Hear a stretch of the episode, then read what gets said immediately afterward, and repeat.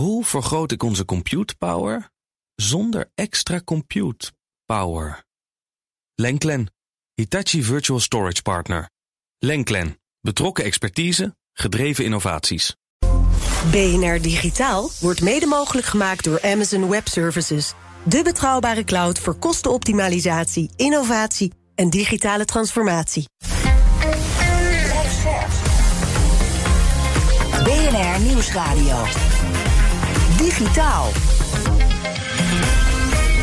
Jo van Buurik en Ben van der Burg. Goed dat je luistert naar BNR Digitaal, waarin we vandaag gaan praten met de topman van chipbedrijf NXP over de recordomzet van 13 miljard dollar over 2022, maar ook over de politieke druk op de hele chipindustrie. Dat straks. En later hoor je of ChatGPT al beter code kan schrijven dan een team menselijke programmeurs en of Twitter geschikt is om de volgende verkiezingen te voorspellen. Maar eerst, Ben van der Burg, Nou. moeten we praten over wat er nu gebeurt. Ongelooflijk. De AI-oorlog. Er is echt een oorlog op dit ja, moment. met En- eh, gisteravond, dinsdagavond, het nieuws van Microsoft... dat ChatGPT in Bing en Edge stopt. En as we speak, terwijl wij hier nu in de studio staan... is Google aan het vertellen hoe ze met BART... Ja. hun AI-model daar wat tegenover gaan zetten. ik erger me kapot, want ik heb de laatste half uur zitten kijken naar dat Bart van Google. En Ja. ik denk, ze gaan nu iets. nu Dat Bart is goed, maar het is letterlijk een Google I.O. Het is Ja. lenses laten zien. maar ze moesten wel, hè? Ze moesten aankondigen. En normaal is Google I.O. altijd in mei. En dan Ja. eh, hebben ze altijd aankondigingen. En dan denk je, nou, wat er nu gaat gebeuren. Dus je ziet dan bijvoorbeeld de laatste Google I.O. Dan zie je allemaal repen. En Ja. dan ga je dan met Google Lens overheen. En dan zegt hij precies wat erin zit, in welke reep en wat de smaak is. Ja. Mooi.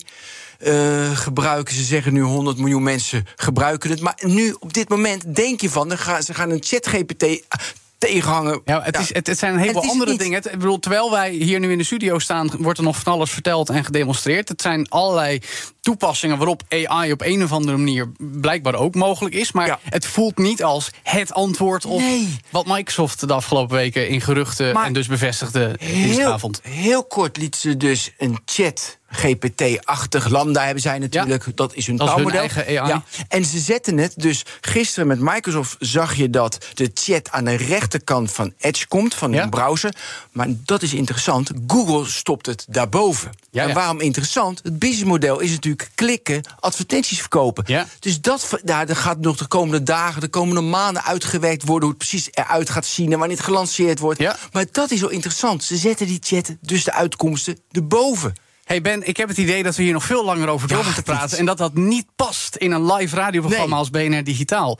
Dus hebben we daar iets voor? Nou, dat is zo mooi. Wij zijn vorige week met BNN Nexus begonnen. Ja. En het is, kijk, wij hadden de afgelopen maanden, Joe, hadden wij en met Twitter en nu met dit weer, met dat chat GPT. Dan willen wij erover discussiëren. In een podcast. In een podcast. En dan willen we lang doen, de diepte in. Nou, wat Met we- kenners. Met scherpe kenners. eigen inzichten. Ja, dus we hebben een lijst van tien kenners, echt de beste van Nederland.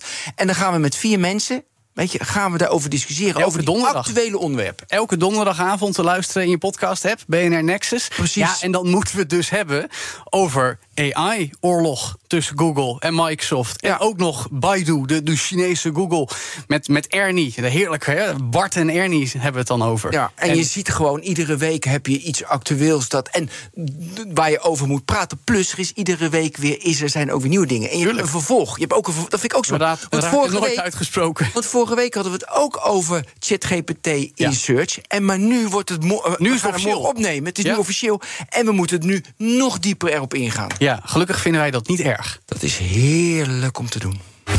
Digitaal.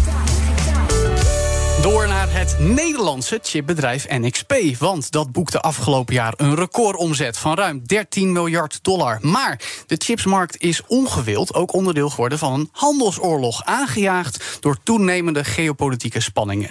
Wat verklaart het succes van NXP? Juist ook met een mooi jaar achter de rug. En hoe gaat het bedrijf om met die hoog oplopende internationale druk? Dat gaan we vragen aan Jean Schreurs, Executive Director bij NXP. Welkom Jean in BNR Digitaal. Ja. Goed dat je er bent. Nou, afgelopen jaar recordomzet geboekt. Dan gaat het dus heel erg goed met NXP. Of hadden jullie ook gewoon de wind mee? Uh, nou, beide denk ik. Hè. Uh, natuurlijk, dit is voor ons een recordwinst, uh, een record omzet die we behaald hebben. Het is een recordjaar op, op vele terreinen. Mm -hmm. maar dat, dat, dat krijg je doordat je gewoon producten verkoopt die de wereld ook graag wil hebben. Yeah. En die producten die komen natuurlijk niet zomaar van vandaag en morgen daar. Die zijn natuurlijk lang geleden ontworpen. En dan kom je op een gegeven moment op het moment dat die producten ook echt in de markt aftrek vinden. En dan, uh, dan maak je een heel goed jaar. Ja, nu hoor ik altijd dat jullie uh, ook uh, heel erg richten op de automotive-markt. Ja. Waar chips natuurlijk heel erg nog steeds nodig zijn. Ja. Is dat de reden dat jullie daar zoveel vruchten van plukken? Ja, de automotive-markt is, is voor ons zeg maar meer dan 50% van onze omzet halen wij in die markt. Um, en dat is een markt waar je op dit moment een enorme ontwikkeling ziet. Ja. He, wij we zien nu dat er steeds meer auto's komen waar veel chips in zitten. Meer dan duizend hoor ja, het is, het, is, het, is, het is op dit moment gemiddeld is het 960 om precies te zijn. Nou ja, goed, dat zal heel snel. Dat is belangrijk. Ja, ja, 960. Maar je moet kijken, er zijn natuurlijk uh, bepaalde modellen. Die lopen al tot 2, 3, 4000 chips per auto. Zoals bijvoorbeeld een BMW i4. Ja, noem maar wat. Dat, dat zijn. Dat, dat zijn, hangt, dat hangt af van, van, stel ik me voor, de, de functionaliteit qua Tuurlijk. autonoom rijden, elektrische aandrijving. Hoe meer van dat soort Hoe meer, hoe meer sensoren, uh, radars zitten er natuurlijk in auto's. En dat maakt het natuurlijk dat, uh, dat zo'n auto uh, steeds meer uh, chips heeft. Maar je ziet ook gewoon de elektrische auto. Ik bedoel, als je een elektrische auto hebt, heb je natuurlijk ook al dat hele battery management systeem wat wij, waar wij goed in zijn. En dat, dat levert heel veel chips. Precies, op. dus, jullie, ja, dus jullie lachen je kapot. Maar je hebt heel veel jaar geleden moest je dus die focus aanbrengen. Ja. Was ja. dat, hoe besloot je toen van ik doe het in automotive en ik doe het niet in wasmachines? Dus daar had jij al een beeld van, hé, hey, elektrisch, er komt meer in? Of wat waren ja. die overwegingen? Nou ja, uh, het begon eigenlijk, wij zijn, wij zijn in 2006 zijn we uh, afgesplitst van Philips. Hè. Mm -hmm. uh, zijn vanzelfstandigd. En eigenlijk toen kwamen we in een financiële crisis terecht. Het ging allemaal wat slecht in de wereld. Wij kwamen toen op een gegeven moment 2008, 2009 op een moment dat we dachten wij moeten met een strategie beginnen waarin we focus aanbrengen. Mm -hmm. Focus aanbrengen, zeker in een wereld als de onze, waar de RD, de onderzoekkosten, enorm hoog zijn, moet je gewoon focus aanbrengen. Moet je die businesses gaan be be bedienen waar je heel veel geld kunt verdienen en waar ja. je gewoon beter bent dan de concurrentie. En wij hebben toen gezegd, 2009, 2010, wij willen alleen maar in die businesses zitten waar wij 50% beter zijn dan de nummer 2. Ja. En Daar waarom gaan... was het toen auto's? Want toen waren er nog geen elektrische auto's. Want Tesla kwam net, ja, dat zat er net aan te komen. Nou, maar, maar nog niet als volumemerk. Nee, het was, nee, nee, nee, nee, Waarom? Nee, maar het was, het was natuurlijk wel dat je zag aankomen dat de auto's slimmer werden. Auto's ja. meer veilig. De veiligheid speelde toen ook al. Ja. Het was natuurlijk niet dat we op dat moment al heel erg bezig waren met battery management. Ja. Maar je zag wel sensoren, radars, dat soort systemen zag je wel komen. Waarom kon je 50% beter worden? Doordat je Um, A, heel veel investeert in onderzoek en ontwikkeling. Ja, dat maar, dat, zegt van, maar dat had ook in een andere domein gekund. Waarom ja, juist maar, in dit maar domein? de, auto, de automarkt heeft als voordeel dat het natuurlijk wel een langdurige markt is. In die zin, als je eenmaal in een auto zit, als je een design win hebt in een auto, Ja. ga je natuurlijk dat hele model ook mee. Ja. Dus je moet, je moet kijken, als, de automarkt is natuurlijk wat dat betreft een redelijk stabiele markt. Hoe makkelijk ben je onvervangbaar voor een automerk als chipsleverancier? Nou, voor een bepaald model waar je eenmaal in zit, daar blijf je in zitten. Ja, maar dan komt er na vijf, zes jaar komt Na een nieuw vijf, model. zes jaar komt weer een nieuw model. Als jij dan die vijf, zes jaar hebt laten zien dat je een chip levert die het goed doet, Mhm. kwalitatief goed doet, die het niet hè, laat afweten. Want je kunt je voorstellen, één chip die het niet goed doet, dan moet gewoon een hele serie auto's teruggeroepen worden. Ja, dus de kwaliteit van chips voor een auto, die, is, die moet heel hoog zijn. Ja. Wie zijn En- op dit vlak jullie grootste concurrenten? Ja, we hebben, we hebben op, op automotive zijn het vooral uh, Infineon in, in Duitsland, Mhm. mm -hmm. Texas Instrument in Amerika. Dat zijn, dat zijn twee grote. Maar goed, uh, weet je, de chipmarkt is wat dat betreft wel redelijk uh, verspreid. Hè. Ja. heel veel, heel veel spelers. Uh, de wereldwijde chipmarkt is, wat is het, 600 miljard geloof ik op dit moment, waarvan wij dan, dan 13 miljard hebben. Dus het is een grote, grote markt. En maar dat, maar dat, zijn, dat zijn wel spelers die, die zijn, uh, ja, dat zijn wel onze, onze concurrenten op dit terrein. Ja, ik wil even naar die chips aan zich. Hè. Ook een beetje voor, voor, voor de leek. Want nou, we horen het, auto's zitten steeds meer vol van chips. Er komen Ja. er steeds meer bij. Uh, maar we hebben natuurlijk ook vaak de smartphones en Ja. de, de chips die daarin gaat. Kun je een beetje uitleggen hoe die nou concreet van elkaar verschillen? Want wat ik altijd begrijp is dat het gewoon wat uh, tussen aanhalingstekens oudere procedés zijn, grotere chips die in auto's gaan en relatief makkelijker te produceren. Of versimpel ik het dan te veel? Ja, dat versimpel je wel een klein beetje. Leg uit. Ja, ja, ja kijk, het, het, wat, wat er heel snel gebeurt is dat men zegt van um, een, een chip is natuurlijk heel klein. Ja. Je praat over nanometers. Hè? En een nanometer, dan heb je het gewoon over in principe honderdduizend uh, maal kleiner dan een mensenhaar. Juist. Daar heb je het over. En dan, uh, dus het over een heel klein dingetje. Waar men heel vaak in de praktijk over speelt is van, nou ja, de 5 nanometer komt eraan, de 2 nanometer ja, komt eraan. Ja, dat is allemaal, dat is allemaal en dat zegt eigenlijk heel weinig mensen iets. Nou ja, dat zegt heel, dat, het, het is dat het heel klein is. Nou, in een auto moet je voorstellen, heb je gewoon op dit moment heb je het over 40 nanometer, uh, 140 nanometer, dat soort, dat soort. Nou, dat blijft nog steeds heel erg klein. Mm -hmm. um, wij maken vooral, wat ik net zei, die 50%, 55% automotive. Dat zijn de grotere chips. Overigens ook voor de, als je het hebt over de industrial market, hè, voor de machines, de robots, zijn ook grotere chips. Ja. Um, maar dat zegt niet dat het ook meteen um, hele eenvoudige chips zijn. De meest geavanceerde radarchips, die zijn ook uh, tegen de 90 uh, nanometer. Ja. Dus dat betekent dat je daar toch. Dat zijn hele, hele precieze chips. Maar die zijn gewoon wat groter. En waarom zijn ze groter? Omdat ze groter kunnen zijn. En dan is het. Um, je, het wat maakt hem geavanceerd? Geavanceerd maakt het eigenlijk door het, um, uh, het aantal lagen dat je, dat je eigenlijk in zo'n zo'n chip hebt. Dus dan kan je meer rekenen, dan kan je, dan kan je meer doen. Energiezuiniger ja, ja. is natuurlijk belangrijk bij een chip. Ja, bij een mobiele, bij, bij, bij een smartphone wel. Bij een smartphone wel, bij een auto eigenlijk minder. Ik bedoel, natuurlijk, een elektrische auto wil je niet een hele uh, uh, powervragende chip hebben. Maar het is niet zo gevoelig als bij een smartphone. Nee. Um, maar het maakt hem vooral het, wat hij kan. Uh, hoeveel, hoeveel, hoeveel rekenkracht heeft hij? Rekenen wat, dus. wat, wat, wat kan die? En dan moet je je voorstellen, een chip die dus al zo klein is, die heeft dan vaker gewoon tussen de pakweg 12 en 42 lagen. Dus dan heb je gewoon een laagje. En dan ga je weer een laagje daarboven en nog een laagje. Dus je krijgt een heel flat gebouw aan verschillende elementjes. Ja, maar, maar die chip, die, zeg maar, die 40 nanometer ja. die uh, in die Volvo uh, XC70 zat van 10 jaar geleden, ja. of in die BMW i4, ja. hoeveel sneller is die dan? Want hij is nog steeds 40 mm, maar uh, hoe het nanometer, maar hij, kan, maar hij kan veel meer. Hoeveel meer dan? Hoe, hoe... Nou, dus het is, dat, ik, dat kan ik zo niet, niet zeggen. Maar tienduizenden berekeningen meer per seconde. Oh, oh, ja, ja. ja. Oké, okay, dus daar kijk je naar. Ja. Ja. Ik wil even naar vraag en aanbod. Want dat is de afgelopen drie jaar alle kanten op gegaan, zou je kunnen zeggen. Spectaculair gestegen toen de pandemie zijn intrede deed. Um, de afgelopen maanden horen we juist ook bijvoorbeeld bij Samsung enorme overschotten, overcapaciteit. Hoe is dat bij jullie?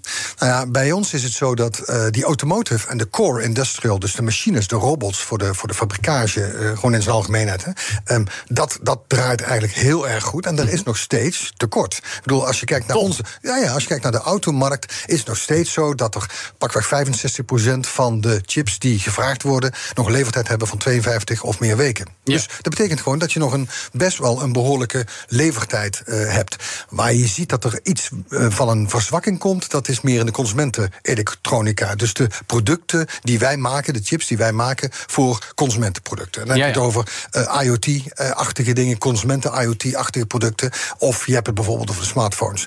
Maar dat is eigenlijk iets waarvan wij denken dat het uh, toch ook wel weer tijdelijk is. Omdat het ook wel weer iets te maken heeft met verzwakking in de Chinese markt op dit moment. Maar ja. dat, dat, lijkt toch ook wel weer op een gegeven moment aan te gaan trekken. Ja, in datzelfde speelveld hebben we het ook over de subsidies die allemaal worden uitgetrokken om meer chipsproductie naar het ja. westen te halen, zeg maar. De European Chips Act onder meer. Ja. Uh, die richt zich heel erg op de fabrieken van TSMC en van Intel. Um, wordt, ligt die focus wel, wel goed? Wordt er bijvoorbeeld geluisterd naar jullie input als het gaat om al, al dat geld dat nu opeens beschikbaar komt? Uh, wij wij uh, praten natuurlijk inderdaad mee en wij uh, geven als advies daar dat voor de Europese markt, dan gaan we weer naar die automarkt en ja. die machines, dan heb je het over grotere chips. Dan heb je het over die chips van 40 plus nanometer. Mm -hmm als je dus een fabriek wil bouwen, moet je daar eigenlijk ook uh, die investeringen in stoppen. Ja. Dan moet je dus niet een fabriek bouwen die heel kleine nanometers gaat, voor gaat de smartphones. maken. Voor de, voor de smartphones. Want ja. dat is niet iets wat wij hier in Europa maken. Dus je wil eigenlijk fabrieken hebben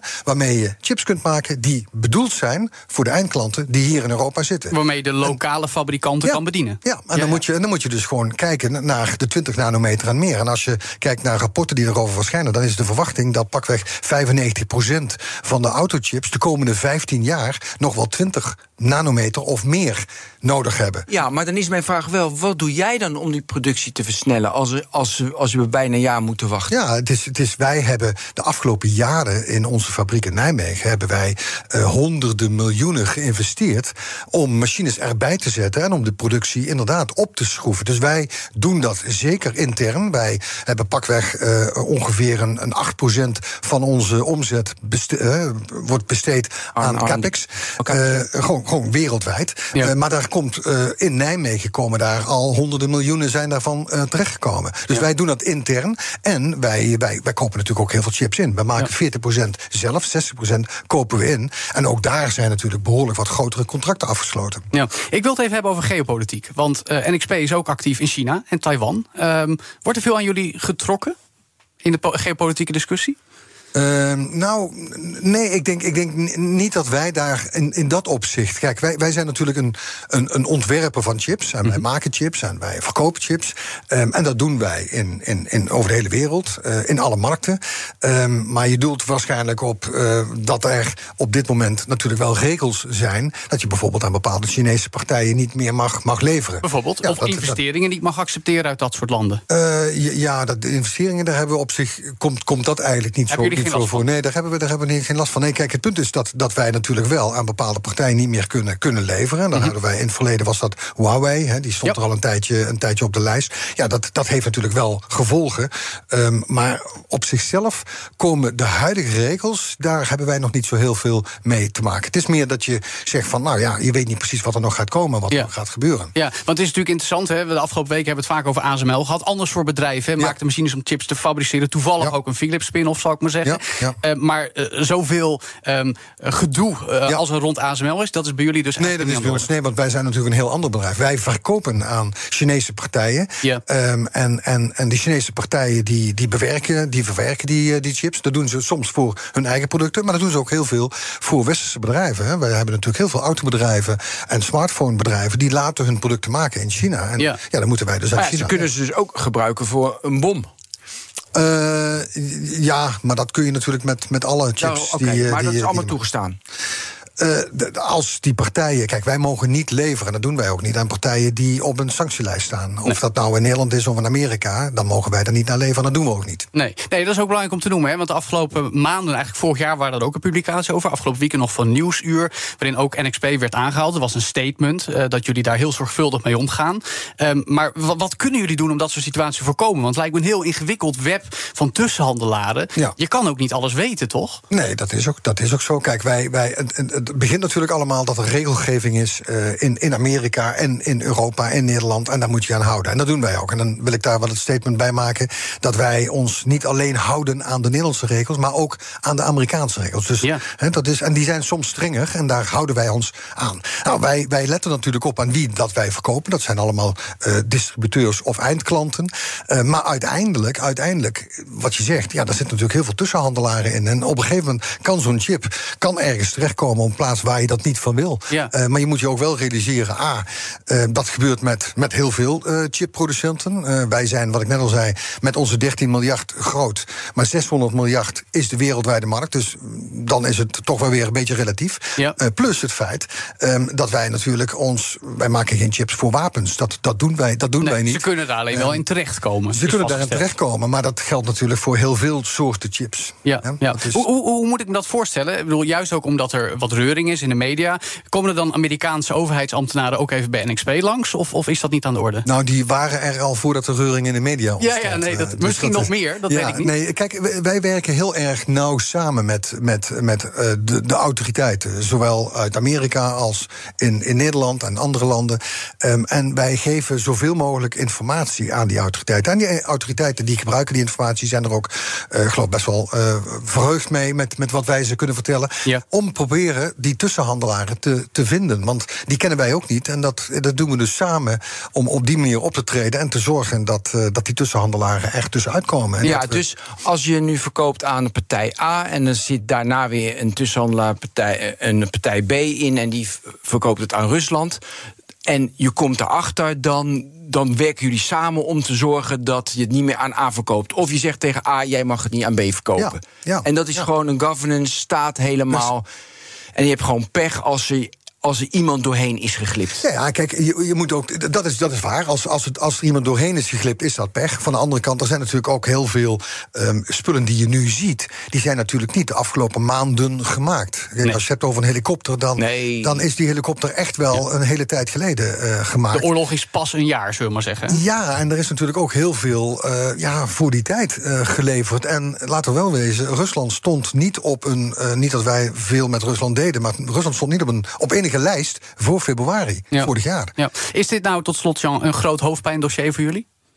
Um, het is een, het is een, het is een, een, een, een vervelend. Irritant uh, is het. Het is, ja, nee, want dit is, dit is niet iets wat je wil. Nee. Uh, hier staan wij ook niet om te springen. Dit willen wij helemaal niet. Nee. Um, dus daarom dat we ook ons heel veel uh, inspanningen geven om, om, dit, om dit probleem zo snel mogelijk opgelost te krijgen. Wat wij kunnen doen, althans aan daaraan bijdragen. Ja. Leidt het af van de andere uitdagingen waar jullie mee te kamp hebben?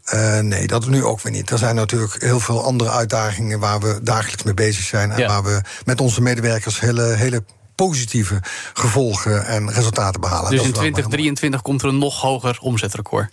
Uh, nou ja, we hebben uh, ooit aangegeven, aan ooit bedoel ik, het was november 21, dat ons doel is in 24 naar uh, 15 miljard te gaan. Dus we werken hard. Oh, dat gaat je makkelijk als het nu al 13 is. Nou ja, dan kunnen we daar later dit jaar vast in gesprek over voeren. Dankjewel, Jean Schreurs, Executive Director bij NXP. En straks ontkomen we weer eens niet aan ChatGPT in een wedstrijdje code schrijven met menselijke programmeurs en AI. En horen we of de datastroom van Twitter, die binnenkort afgesneden wordt voor wie niet wil betalen, bruikbaar is om te voorspellen wie er wint bij politieke verkiezingen. Dat dus zometeen in BNR Digitaal. Blijf luisteren. BNR Nieuwsradio. Digitaal.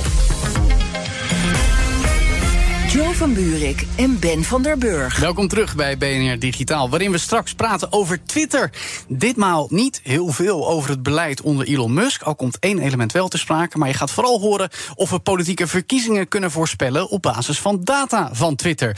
Voor zolang het duurt, tenminste. Maar eerst willen we weer eens antwoord op een belangrijke techvraag in onze semi-vaste rubriek. De zoekopdracht. En daarvoor is collega Erik van den Berg van BNR's onderzoeksredactie bij ons aangeschoven. En Tijmen Blankenvoort, Director of Engineering Deep Learning bij Qualcomm en vriend van de show. Welkom, heren. Dank je. Fijn dat jullie er zijn. Um, want jullie hebben iets voor ons uitgezocht. Namelijk of ChatGPT al beter kan programmeren dan mensen. Daarover hoorden we Erik ook al even in de ochtendspits met Bas van Werven. Daar gaan we nu dieper op in. Dus gelijk even mijn deur in huis vraag. Kan AI beter programmeren dan mensen? Tijmen, Erik, zeg het maar.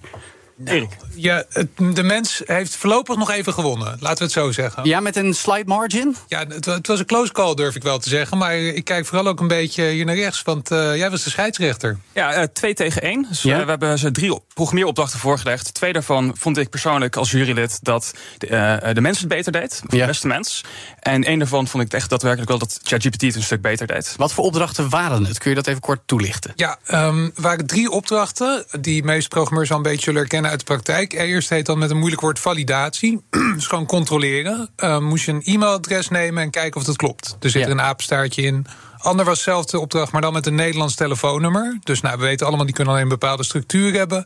Laatste was, maak een rekenmachine. En er zat een kleine catch in. Dat moest dan volgens de programmeerprincipes van clean code. Ja, en uh, hoe hebben jullie dit vastgesteld? Dat dit, zeg maar, eerlijke, relevante uitdagingen zijn voor beide deelnemers, zo gezegd? Nee, niet volgens een zeer strak wetenschappelijk proces. Gewoon even natte vingerwerk. Ik heb uh, overlegd met uh, een developer die ik ken, die daar wel een beetje van want weet op dat gebied. En je zoekt dan naar vragen. Je wil het een beetje eerlijk houden, maar ook een beetje spannend. Dus dingen waarvan je denkt van, nou, dat gaat Chat GPT heel goed doen. Mm -hmm. En dat kan alleen de mens. En dan kom je dus uit bij een beetje een mix. Ja, wat was nou die van de, die van de drie opdrachten waar Chat GPT beter presteerde, Tijmen? En, en kun je dat verklaren? Ja, ik denk het checken van de e-mailadressen. Daar deed ChatGPT het een heel stuk beter. ik denk ook omdat dat informatie best wel gewoon op het internet beschikbaar is. Dus dat heeft hij kunnen leren. Mm -hmm. En ChatGPT schrijft best wel goed regular expressions. Dat zijn eigenlijk standaard manieren om stukjes tekst te analyseren. Dat is voor mensen heel lastig. Maar ChatGPT doet dat zonder enige moeite. Nou ja, lastig. Het is toch gewoon. Ja, wij herkennen toch ook een e-mailadres, alleen wij zijn niet zo snel erin.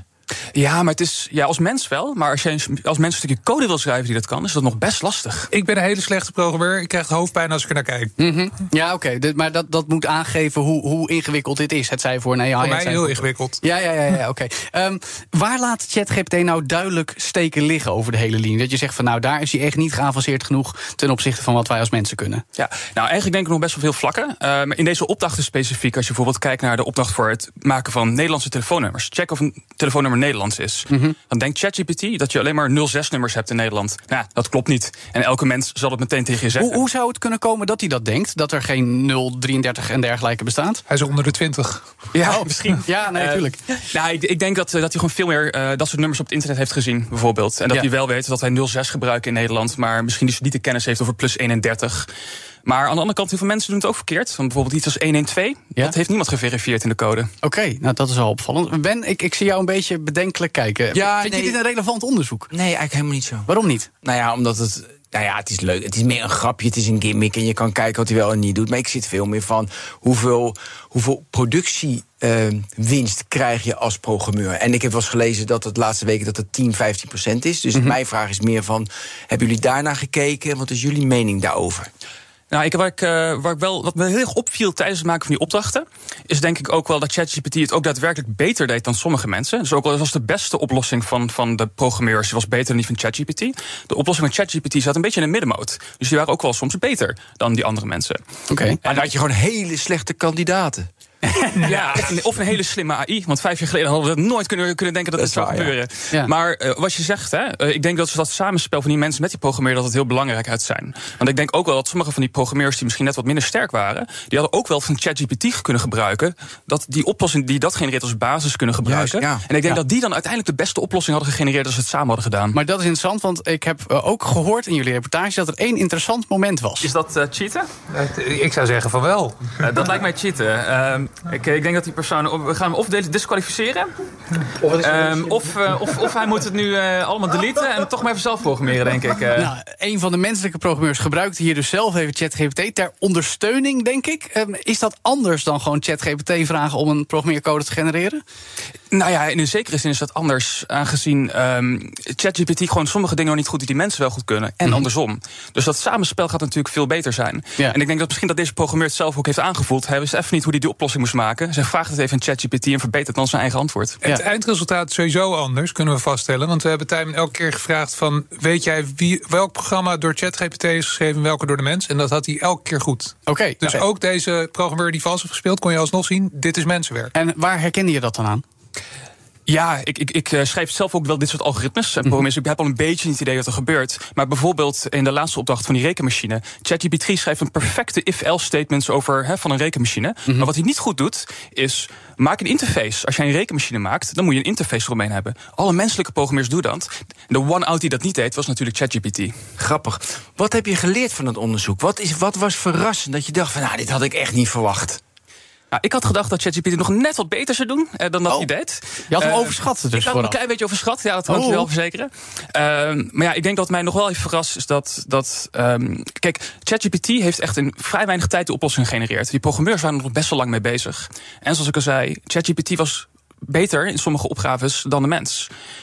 Dat heeft me wel een beetje verrast alsnog. Dat het soort, soort van, hè, dat, het, het, het is toch echt best wel goed. Ja. Dus het is nog niet perfect, het is nog niet menselijk. Ik maar echt anders goed. mee. Ik kwam er een beetje toch als de tech-leek aanschrijven. Wat mij vooral verbaasde is dat er toch... Ja, angst is een groot woord. Maar dat meeste programmeurs die zeiden van... eh, ja, tuurlijk gaat hij het beter doen. Ja. Dus er heerste toch een wat, eh, er heerst een wat defetistische Toch sfeer. een angstgekner. Ja, Ja, eens. zou zeggen. Maar uh, Tijmen, eh, mijn, eh, ons collega Daniel Mol wees me ook op een analyse... waarin stond ChatGPT kan prima code schrijven... maar het is geen goede softwareontwikkelaar. Ja. Wat, wat, wat legt dat dat eens toe? Ja, dat is helemaal waar. Ook in deze opdracht hebben we natuurlijk alleen maar kunnen kijken naar korte, kleine opdrachtjes. Als softwareontwikkelaar doe je natuurlijk veel en veel meer. Ja, dan moet je denken, hoe gaan mensen dit gebruiken? Precies, en je moet met klanten praten, je moet dat samenvoegen, je gaat aan codebases werken van miljoenen lines of code, right? ChatGPT doet kleine stukjes code best wel goed, maar echt aan een grote codebase werken om dingen uit te halen, dat kan die nog niet. Maar En- wanneer kan die dat wel? Want we, hebben, we praten over, weet je, GPT-4 en dan heb je miljarden, heb je dan, weet je, gaan ze en nog sneller algoritme.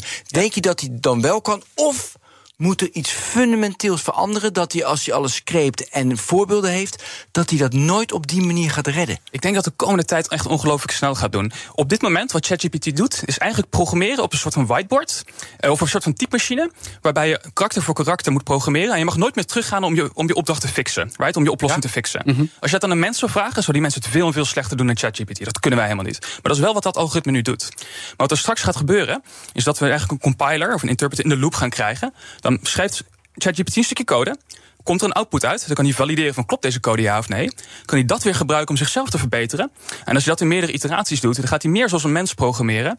En gaat hij veel en veel beter worden. Ik denk dat het algemeen tien keer beter kan worden. En dit gebeurt vandaag. En waarom- Niet gisteren. eh, Vandaag. Vandaag dat gaat fantastisch. Ja, niet, niet over tien jaar, nu. Maar waarom kan hij dat dan eigenlijk nu, met die compiler dat hij zichzelf controleert, nog niet? Wat missen we dan nu?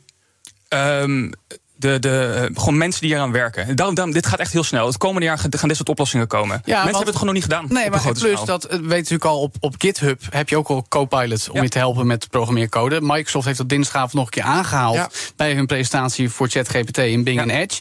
Ehm, dus gaan we ook gewoon in de komende tijd nog meer eh, de generatieve AI's specifiek bedoeld voor code zien en gaat dat zeg maar elkaar een zichzelf Ja, versterkend 100 effect procent. genereren? Want ChatGPT is eigenlijk een soort van een manusje van alles. Die doet eh, heel veel verschillende dingen. Kan liedjes schrijven, kan rappen, whatever. Hè? En ook code en, en van, alles nog wat. Ja. Eh, logica doet hij ook.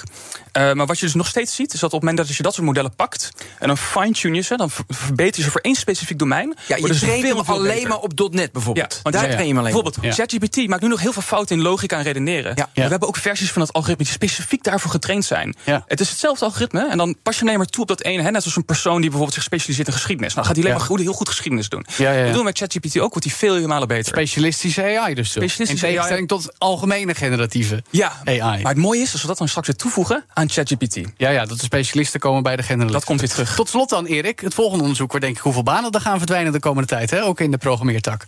Nou, het is ter sprake gekomen die dag eh, dat we bij Sterke IT-recruitment waren. Ik wilde hun nog even bedanken trouwens Ja. voor het feit dat ze hebben meegewerkt aan het onderzoek. Want het is erg dapper natuurlijk om het op te nemen tegen de machine. Ik wou zeggen. Maar ik moet eerlijk zeggen, voorlopig merk ik er nog weinig van. Er is nog steeds een gillend tekort aan developers. Niet dat je nu ineens eh, ze allemaal... Nou, ze vliegen in Amerika dan misschien uit. Maar Ja. eh, nog, steeds- als je in Amsterdam een wil vinden, ben je nog wel even bezig. Ja, ja, dus je moet het toch nog gewoon allemaal blijven leren programmeren. Eh, zeker weten. Oké, goed. Nou, weten we dat ook weer. Dank BNR's onderzoeksredacteur Erik van den Berg... en Tijmen Blankenvoort, Director of Engineering Deep Learning bij Qualcomm. Joe van Buurik en Ben van der Burg. Dan gaan we het hebben over het voorspellen van de eerstvolgende verkiezingen. Want dat is al sinds mensenheugenis gemeengoed. Denk alleen al aan de constante peilingen omtrent politiek Den Haag. Natuurlijk vooral als de verkiezingskoorts heerst. Maar wat nou als je zo'n voorspelling baseert op data van Twitter? Kun je dan enigszins accuraat zeggen welke partijen er beter voor staan dan anderen? Dat onderzocht Erik Sanders als taal- en spraaktechnoloog. Mooie functie, je bent. Nou, heerlijk. Verbonden aan de Radboud Universiteit. Hij promoveert deze week op dit onderwerp en is bij ons in de studio. Welkom, Erik. Dank je. Goed dat je er bent. Ik begrijp dat jij hier al sinds 2015 mee bezig bent. Betekent dat ook dat Twitter je meest gebruikte social media platform is?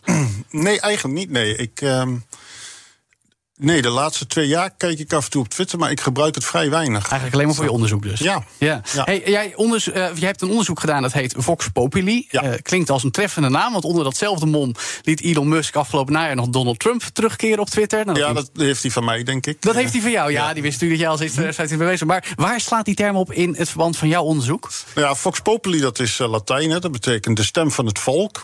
En eh, ja, ik leg dat eigenlijk. eh, eh, het heeft verschillende betekenissen. De een is ehm, de mening van de menigte. Hè, wat, wat vinden de mensen? Maar je kunt ook uitleggen als letterlijk de stem die mensen in hun stemhokje.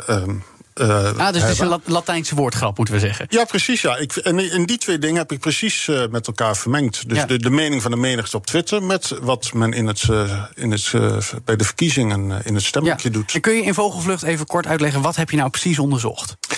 Nou, eh, de, ehm, bij mijn eh, basis-algoritme is eigenlijk heel simpel. Ik tel hoe vaak eh, tweets of eh, hoe vaak eh, partijnamen voorkomen in tweets. Ja. En per partij kijk ik dan ehm, wat is het percentage wat die scoort in de tweets.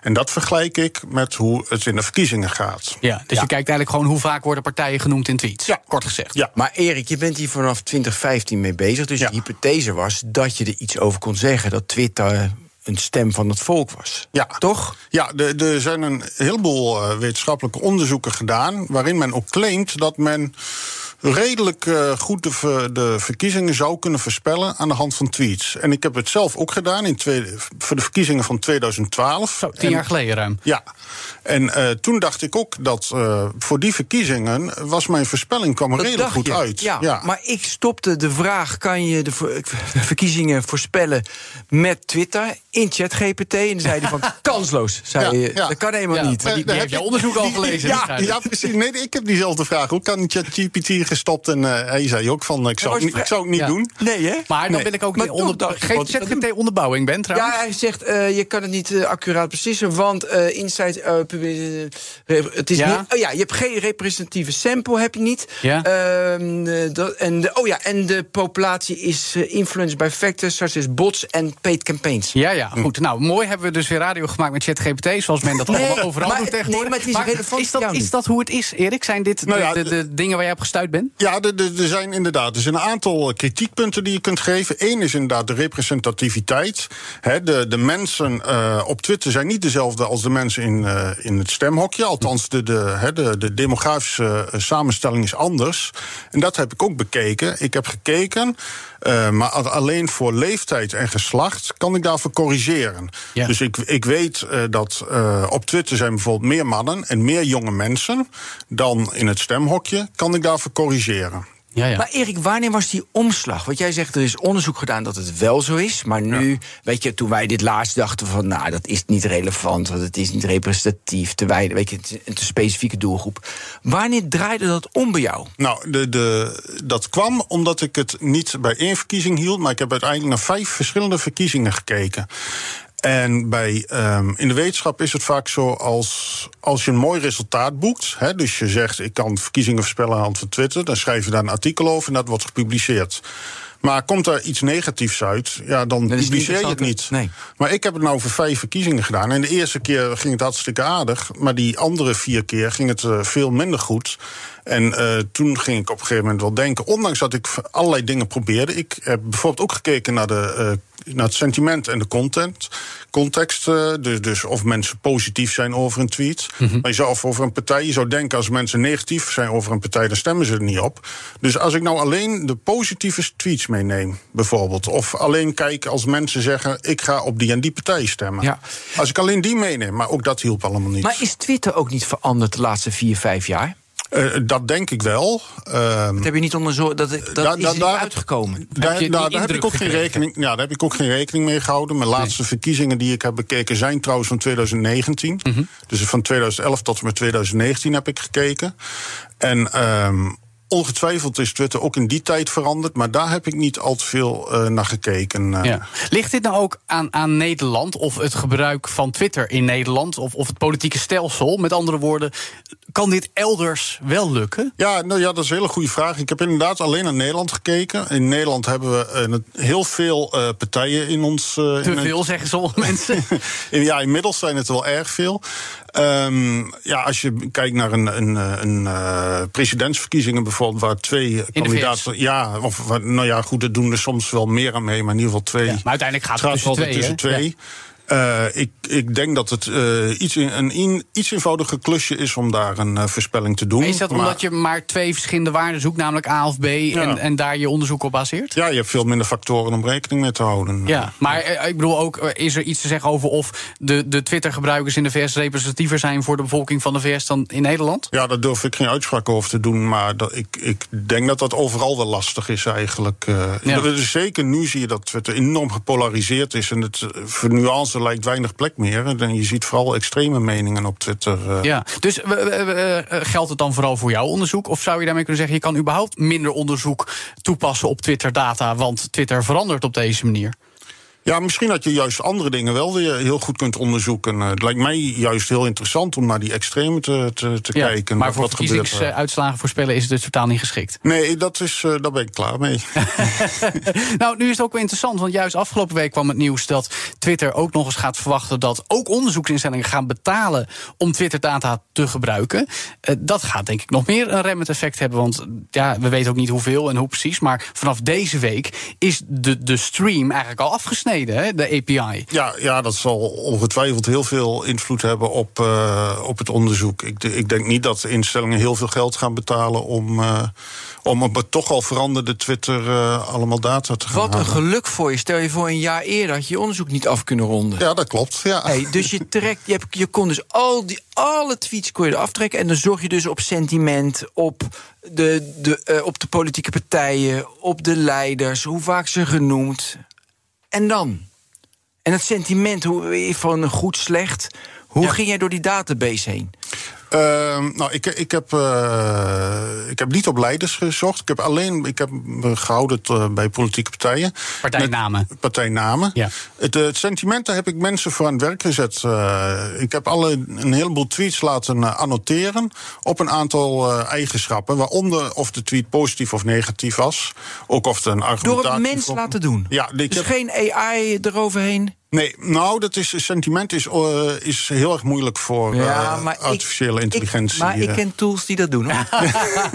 nou, ook niet. Nee, maar nee, maar want dan train je hem op mooi, leuk, fijn, goed, fantastisch, blablabla. En, en je traint hem op stom, belachelijk, eikel enzovoorts. Nou, en als je dat traint en je gaat door die en je gaat door die database heen, dan kan je een sentiment krijgen. En hoe ga je dan bijvoorbeeld sarcasme, uh, hoe ga je daarmee om? Ja, da dat vindt hij inderdaad heel erg moeilijk. Ja, dat kan ja, hij niet. Cynisme, nee. sarcasme, nee. dat vindt hij lastig. Zijn dat vooral het soort dingen waar je op gestuurd bent dan, Erik? Van, goh, daar kunnen we eigenlijk niks mee in het onderzoek. Want dat is in ieder geval voor automatisering. Als mens ja. kun je dat dan proberen te herkennen. Want ook dat is natuurlijk niet altijd met zekerheid te zeggen. Ja, nou, ik ben dus begonnen met die annotaties. Ik heb uh, uiteindelijk iets van 17.000 tweets uh, laten uh, Uh, in India? Nee, 1 euro nee, nee, door allemaal studenten in Nijmegen. Oh, kijk. Mooi. ja, ja, daar had ik goed voor elkaar. Ja. En, um, en daar heb ik uh, gewoon, uh, met die data heb ik gekeken, zou ik daar de voorspelling mee kunnen verbeteren. En als dat zo is, dan zou ik ook met die geannoteerde data, zou ik ongetwijfeld ook um, via machine learning veel meer data hebben laten ja. annoteren op deze eigenschappen. Maar omdat met die, hè, dat noemen wij de golden standard. Ja. Hè, met de, als, als, de mens, als het met menselijke data al niet kan, ja, dan hoef je het met machine learned data al helemaal niet te proberen. Ja, maar je hebt nu jaren onderzoek gedaan. Ja. En het, de uitslag is. Ik wil er ook niet. naartoe. Ik denk dat, dat, dat, je... dat, moet toch onbevredigend ja, voelen, zou ik zeggen. Wat heeft de mensheid hier aan? Ja, nou ja, kijk, als, als uh, wetenschapper maakt het me natuurlijk helemaal niets uit wat eruit komt. Want je wil de, je wil de, uh, de waarheid naar boven halen.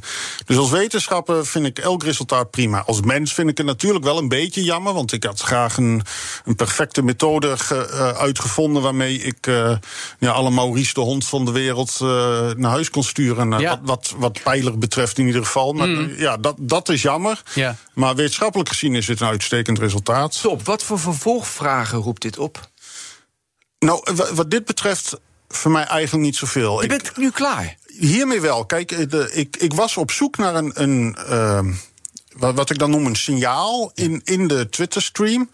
Uh, een signaal de, dat weergaf waar mensen op zouden stemmen. Dat signaal, daar ben ik nou min of meer van overtuigd, dat zit er niet in. Ondanks alle ruis die eromheen dat zit. Weten we. Hebben we geen nieuwe vragen, omdat je dat doet, dan hey, Twitter is niet volgens mij misschien wel daarvoor. Hebben we nieuwe hypotheses ontdekt? Is of zo... omgekeerd kunnen we op een andere manier verkiezings uh, uitslagen voorspellen dan ja, Twitter. Ja, nou, ik, ik heb er nog niet heel veel over nagedacht, wel een klein beetje. En uh, ik denk dat de, de oude manier waarop men het doet eigenlijk nog helemaal niet zo gek is. Gewoon de ouderwetse peiling. Ja, je probeert een, een representatief deel van de bevolking te vinden en je vraagt hun uh, waar gaat u morgen op stemmen? Of waar, gaat, waar zou u op stemmen als vandaag de verkiezingen waren? Dat, ja dat, dat lijkt toch nog steeds de beste methode te zijn. Ja, ja. Wat, ja wat ga je nu met je leven doen? als, ja, als taal- en spraaktechnoloog. Ja, je bent nu ja, klaar. Ja, dat is een goede vraag. Daar, daar ben ik uh, met mijn baas over in gesprek. Hoe, hoe nu verder? Maar de, ja, ik, ik heb al, uh, al 27 jaar een, een baan bij de universiteit. En uh, ik ga gewoon door met taal- en spraaktechnologie. En ik, ik geef college aan Python-studenten. En Mooi. tot mijn schrik heb ik gemerkt dat als ik mijn vraagstukjes in ChatGPT stop op dat ChatGPT een beter antwoord geeft dan mijn studenten. Oh jee. Nou, dat is misschien ook Dus, wel, mooi, eh, dus daar kan ik ook nog mee Ja, aan de dat, slag. dat is misschien ook nog wel een onderzoek waard. In ieder geval, dank voor je toelichting van je onderzoek. Erik Sanders, taal- en spraaktechnoloog bij de Radboud Universiteit. Heel graag gedaan. Tot zover BNR Digitaal. Altijd ook te beluisteren via podcastplatforms. Abonneer je daar op BNR Digitaal en ook op BNR Nexus. Onder onze nieuwe podcast over tech onder de bezielende aanvoering van Ben. Ja, precies. En deze week gaan we het hebben over AI en zoekmachines. Misschien ook nog wel wat meer. Ja, Want Horizon, kinderen. Google heeft niet zo heel veel aangekondigd de afgelopen... Nee, naar Meta Anderhalf gaan we, ook uur. iets over, ja, gaan we ook iets mee doen. Ja, dat dus vanaf eh, elke donderdagavond in BNR Nexus. En natuurlijk komende woensdag weer gewoon een nieuwe BNR Digitaal live op de radio. En ook als podcast. Dus zeg ik tot volgende week. Dag. BNR Digitaal wordt mede mogelijk gemaakt door Amazon Web Services. De betrouwbare cloud voor kostenoptimalisatie, innovatie en digitale transformatie. Hoe vergroot ik onze compute power zonder extra compute power? Lenklen, Hitachi Virtual Storage Partner. Lenklen, betrokken expertise, gedreven innovaties.